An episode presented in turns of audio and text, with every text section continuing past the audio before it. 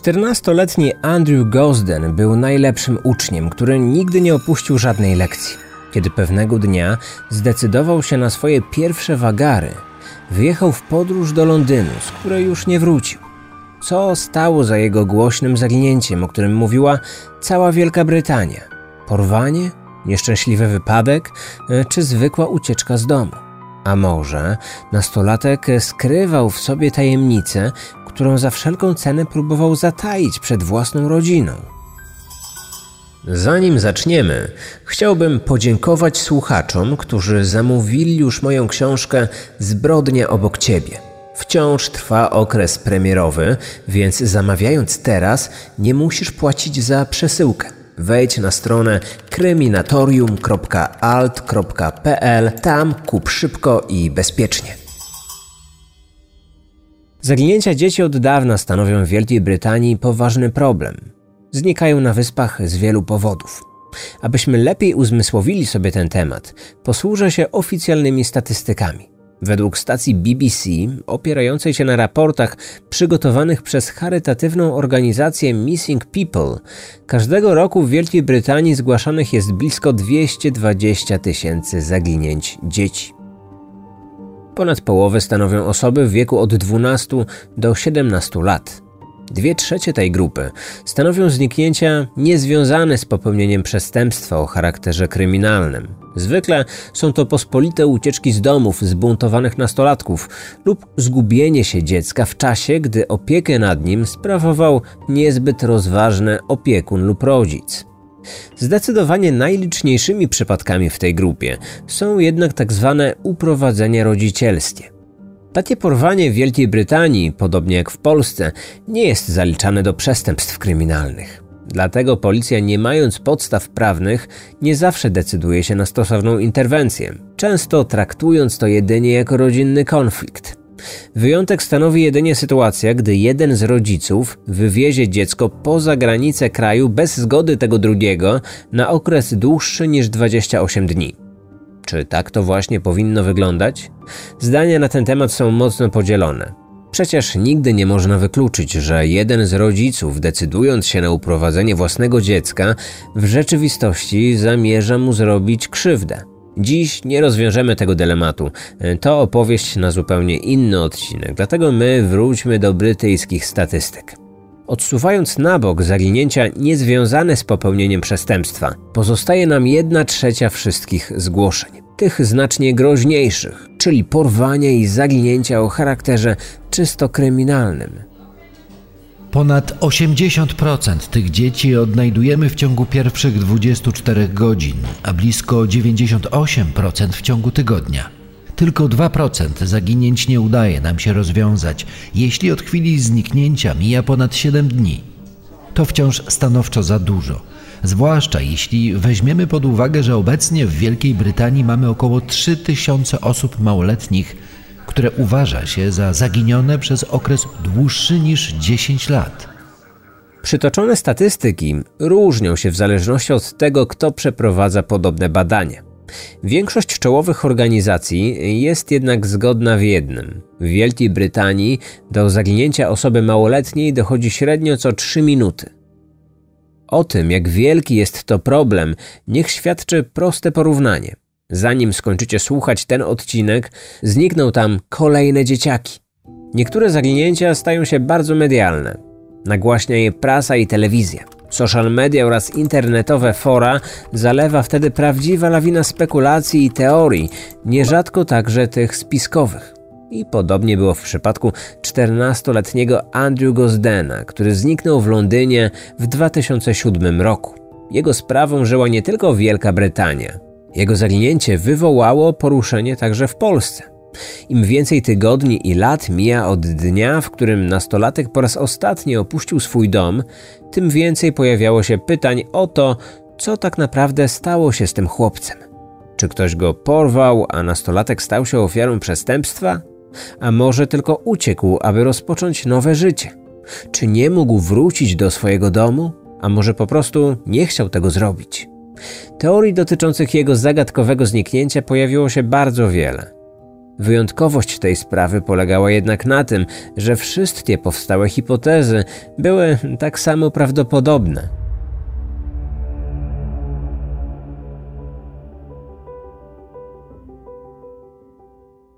Andrew Gosden urodził się 10 lipca 1993 roku w Dalby, na przedmieściach Doncaster, około 70 km na wschód od Manchesteru. Jego rodzice, Kevin i Glennis, przywiązywali do wychowania swoich dzieci wielką wagę. Bardzo starali się, aby ich pociechy wyrosły na porządnych ludzi. Od najmłodszych lat Andrew łączyła wyjątkowo silna więź z siostrą, starszą od niego o dwa lata. Państwo Gosden zawsze wpajali swoim dzieciom, że w młodości najważniejsza jest edukacja, że tylko dzięki zdobytej wiedzy mogą osiągnąć sukces w życiu i stać się ludźmi szanowanymi, tak jak ich rodzice, którzy pracowali jako logopedzi dziecięcy. Ich córka uwielbiała szkołę, choć jej oceny nie zaliczały się do tych wybitnych. Zupełnie odwrotnie było z Andrew. Mój syn zwykle niewiele mówił na temat szkoły i lekcji. Lubił co prawda szkoły letnie, po których zawsze wracał zachwycony, ale jeśli chodzi o tradycyjną szkołę, jego entuzjazm był już znacznie mniejszy. Prawdę mówiąc, wydaje mi się, że on traktował szkołę jako coś, co w pewnym sensie musi przejść tylko po to, aby mieć lepiej w dorosłym życiu.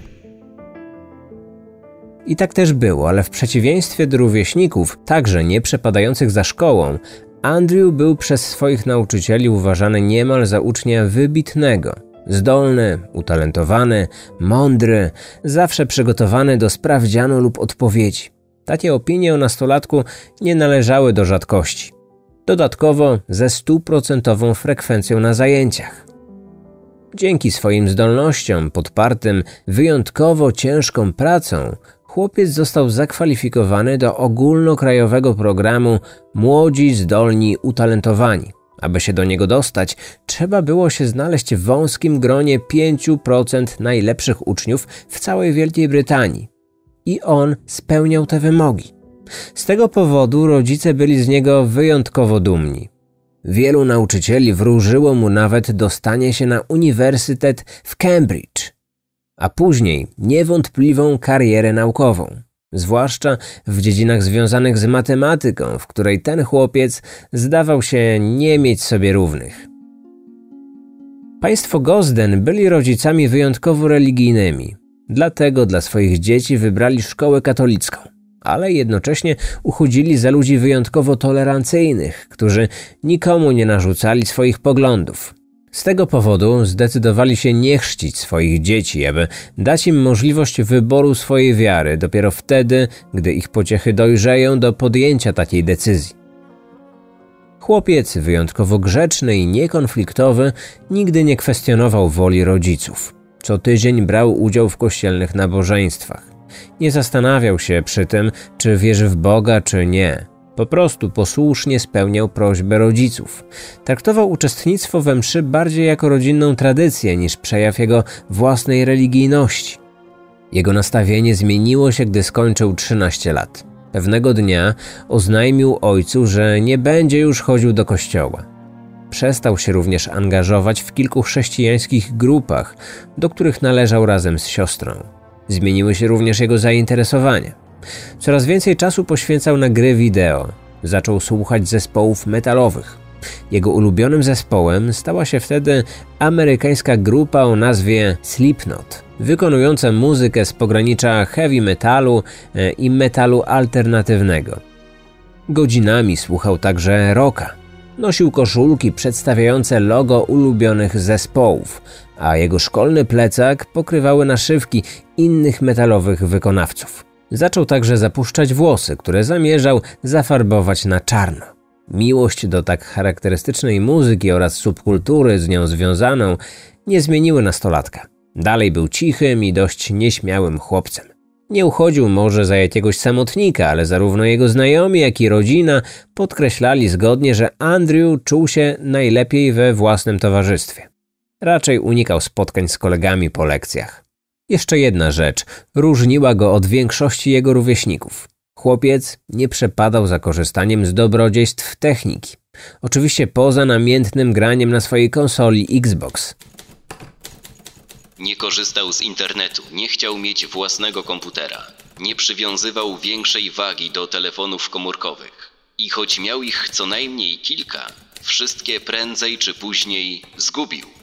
Gdy na kolejne urodziny otrzymał nową, dość drogą komórkę, poprosił ojca o zamianę tego prezentu na grę wideo.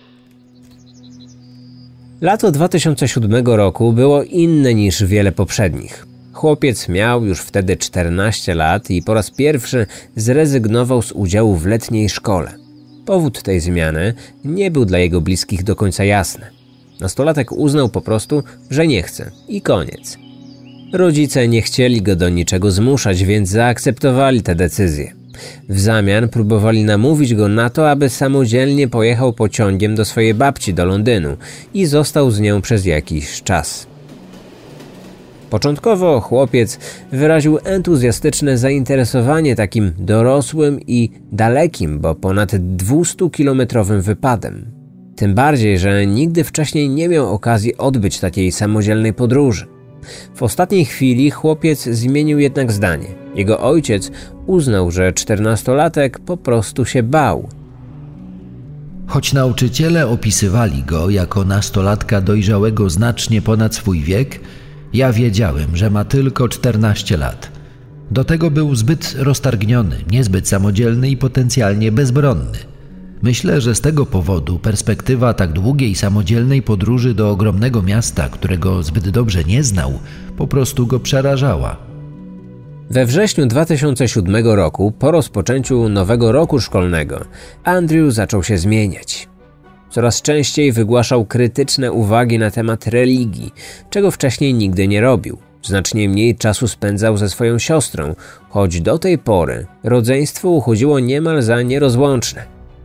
Czternastolatek zmienił również swoją codzienną rutynę, z której do tej pory słynął. Na przykład przestał wracać ze szkoły autobusem. Zamiast tego odcinek o długości prawie 6,5 km pokonywał pieszo, a cała droga powrotna zajmowała mu ponad półtorej godziny. Rodzice próbowali się dopytywać, czym spowodowane były te zmiany, ale nie dostali jasnej odpowiedzi. W końcu uznali to za przejaw niegroźnych fanaberii i dojrzewającego nastolatka. Taki efekt pewnego rodzaju szalejących hormonów, które kazały chłopcu buntować się przeciwko sobie samemu. Jego najbliżsi nawet nie przypuszczali, że już wkrótce świat, jaki znali, zmieni się bezpowrotnie.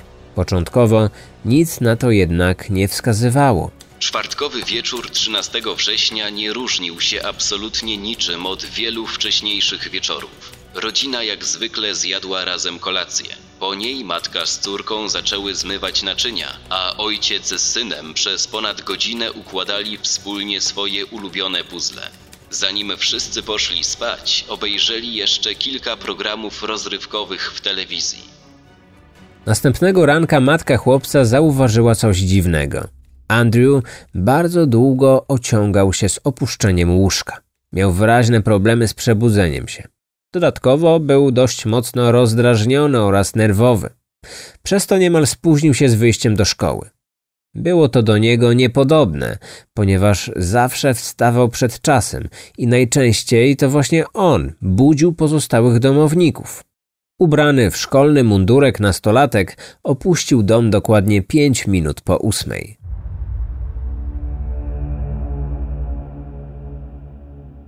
Gdy 10 godzin później Gosdonowie wrócili po pracy do domu, zbliżało się już pora kolacji. Zajęli się więc przygotowaniem rodzinnego posiłku. W tym czasie od koleżanki wróciła ich córka. Do kompletu brakowało już tylko chłopca. Nikt go jednak nie szukał, ponieważ wszyscy byli przekonani, że nastolatek, jak zwykle zresztą, wieczór spędza we własnym pokoju.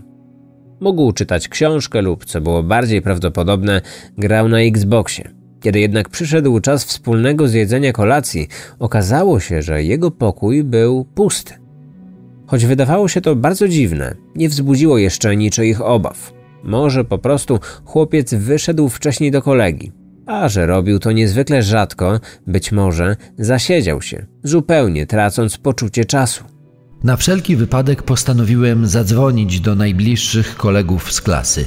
Mój niepokój zaczął się zwiększać, gdy kolejni chłopcy twierdzili to samo, że nie mają zielonego pojęcia, gdzie on jest. Co więcej, każdy z nich zaznaczał, że tego dnia mój syn w ogóle nie pojawił się w szkole, a to mogło oznaczać tylko jedno: musiało się stać coś złego. Czy chłopcu stało się coś w drodze do szkoły? Przecież uczeń słynący ze stuprocentowej frekwencji na lekcjach tak po prostu nie idzie na wagary. Kilka minut po dziewiętnastej Kevin Gosden zadzwonił na policję.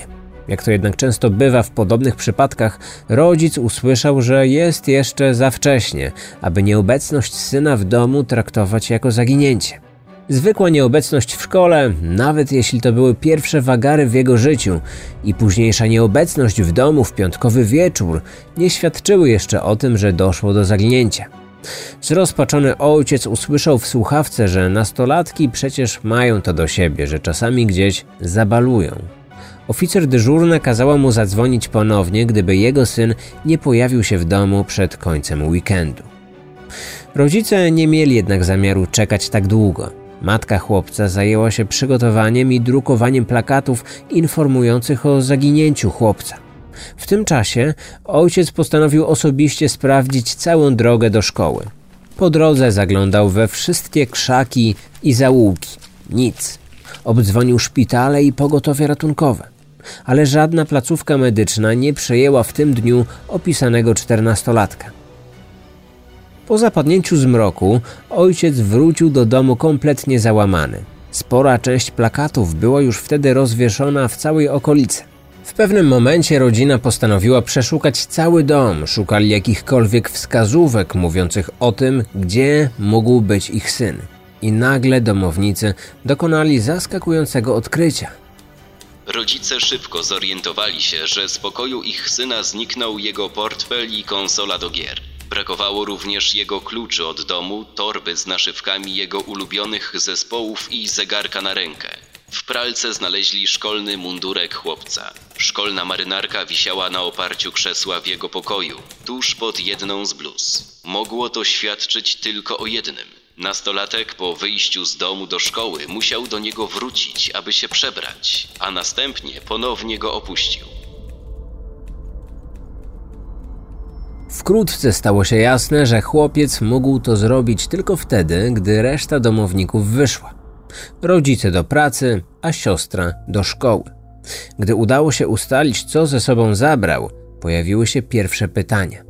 Dlaczego wziął portfel, w którym zazwyczaj trzymał tylko jakieś drobne monety, a pozostawił w szafce 100 funtów, które otrzymał w prezencie na swoje ostatnie urodziny? Dlaczego zabrał ze sobą Xboxa, ale nie wziął do niej ładowarki? Nie wziął również kurtki ani płaszcza, choć wieczory były wtedy bardzo chłodne. Czy miał zamiar powrócić przed nastaniem nocy? Rodzice przyznali, że gdyby chodziło o każdego innego nastolatka, byliby skłonni uwierzyć, że chłopiec po prostu uciekł z domu. Ale takie postępowanie było przecież niepodobne do ich syna, który nigdy w życiu nie zrobił niczego, co mogłoby ich zmartwić. A co najważniejsze, nie miał nawet powodu, aby ich opuścić. W sobotni poranek ojciec osobiście udał się na pobliski posterunek policji. Tym razem policjanci wykazali więcej zrozumienia i przyjęli zgłoszenie. Swoje poszukiwania rozpoczęli od przejrzenia miejskiego monitoringu. Liczyli na sukces, ponieważ w całym mieście aż roiło się od kamer przemysłowych. Sprawdzano też nagrania z przydomowych kamer sąsiadów. Jednocześnie przeprowadzono rozmowy ze znajomymi chłopca. Przesłuchano także pracowników dworca autobusowego i kolejowego, a także pracowników miejskich firm zajmujących się wywozem śmieci oraz sprzątaniem ulic. Wkrótce policjanci potrafili już odpowiedzieć na pytanie, gdzie podział się chłopiec w pierwszych godzinach po opuszczeniu domu, czyli w piątkowy poranek 14 września 2007 roku. O tym, że dokładnie o 8.05 chłopiec opuścił dom z zamiarem pójścia do szkoły, wiedzieli wszyscy domownicy ale o tym, że od samego początku nie miał najmniejszego zamiaru do swojej szkoły dotrzeć, tego nie spodziewał się nikt. Zamiast na przystanek autobusowy, Andrew swoje kroki skierował w stronę parku Westfield, oddalonego zaledwie kilkaset metrów od domu, w przeciwnym kierunku niż autobusowy przystanek. Tam zauważył go pastor z ich parafii. Dobrze znał chłopca, ale także jego rodziców. Nastolatek minął park i kierował się w stronę bankomatu stojącego na ulicy Króla Edwarda. Wypłacił z niego 200 funtów. Najwięcej, ile mógł, ponieważ na swoim koncie bankowym miał 214 funtów, a bankomat wypłacał kwoty w przedziałach 20-funtowych. Następnie wrócił tą samą drogą do swojego domu. Nagranie z monitoringu sąsiada pomogło ustalić, że wszedł do niego dokładnie o 8.30, gdy żadnego z domowników już w nim nie było. Według ustaleń policji właśnie wtedy się przebrał, pozostawiając w domu swoją szkolną odzież. Wyszedł mając na sobie czarny t-shirt z grafiką związaną z jego ulubionym zespołem metalowym, czarne dżinsy i czarną torbę przewieszoną przez ramię. Godzinę później czternastolatek pojawił się na dworcu kolejowym w Doncaster. Tam kupił bilet na pociąg do Londynu, za który zapłacił niecałe 32 funty. Kasjerka sprzedająca bilety dobrze go zapamiętała, ponieważ chłopiec stanowczo nalegał na sprzedanie mu biletu tylko w jedną stronę, choć kobieta informowała go, że dopłata do biletu powrotnego kosztowałaby zaledwie 50 pensów. W głowach policjantów od razu zaświeciła się odpowiednia lampka. Czyżby już wtedy poszukiwany nastolatek wiedział, że nie ma zamiaru wracać? Oczywiście z taką wersją nie zgodzili się rodzice Andrew, ale nie potrafili wytłumaczyć, dlaczego ich syn, uważany przez nich za aż przesadnie oszczędnego, nie skorzystał z tej okazji, aby kupić bilet powrotny prawie za darmo. Szybko uznali jednak, że ich syn musiał wtedy planować pozostanie na jakiś czas u swojej babci. Jak się miało okazać, nawet jeśli rodzina miała rację, to chłopiec nigdy do niej nie dotarł. Na peronie pojawił się sam.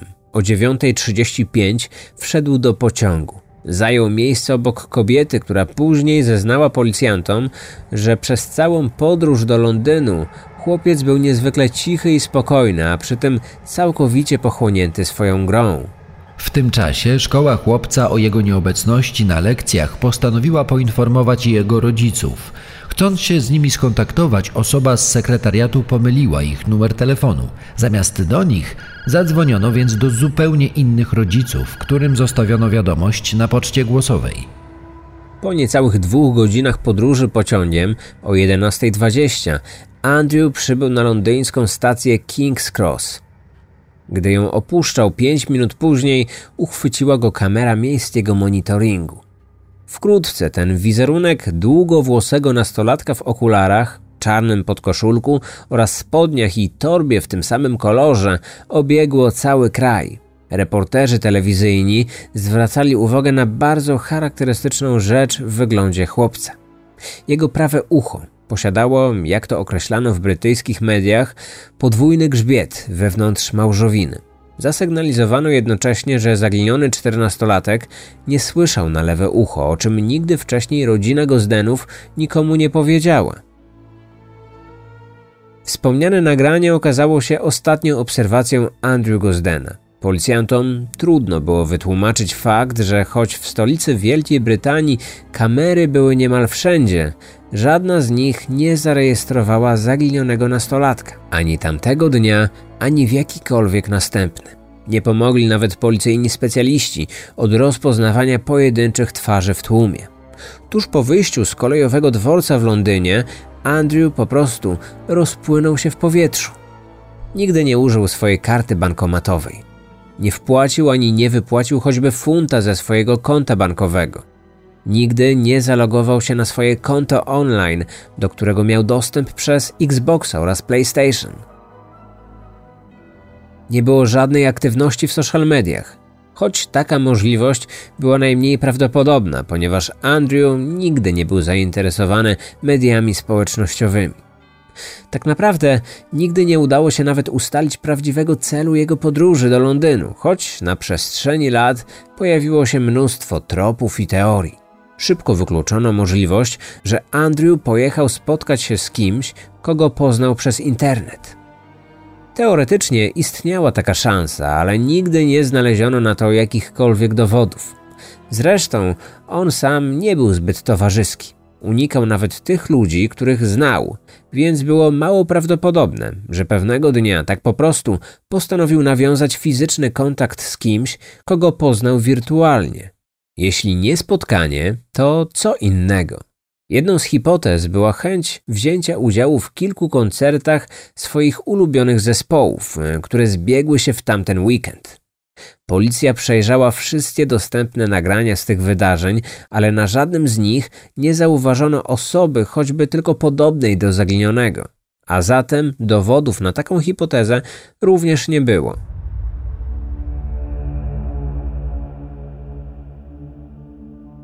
Dwa lata po zaginięciu ojciec chłopca dowiedział się od kolejnego z kolegów syna, że krótko przed zniknięciem chłopiec był zafascynowany jednym z brytyjskich seriali telewizyjnych z lat 70. Jego główny bohater, znudzony i zniechęcony do życia, jakie prowadził, postanowił upozorować własną śmierć, aby zacząć zupełnie nowe życie, gdzieś daleko od domu. Kevin Gosden natychmiast pomyślał, że jego syn mógł postąpić podobnie. Wtedy w głowach rodziców pojawiła się zupełnie nowa myśl. A co jeśli chłopiec nagle odkrył, że jest odmiennej orientacji seksualnej? Czyżby uciekł z domu, ponieważ bał się do tego przyznać swoim głęboko religijnym rodzicom?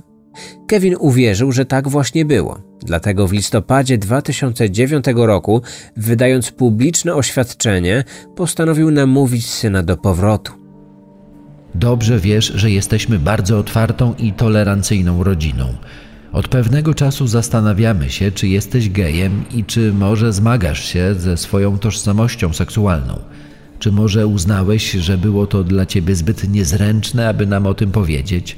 Ale wiedz, że jeśli jesteś gejem, to my wszyscy nie mamy z tym absolutnie żadnego problemu. Kochamy cię bezwarunkowo, takiego jakim jesteś. Czekamy więc na twój powrót lub jakikolwiek kontakt. Gozdenowie nie otrzymali jednak żadnej odpowiedzi.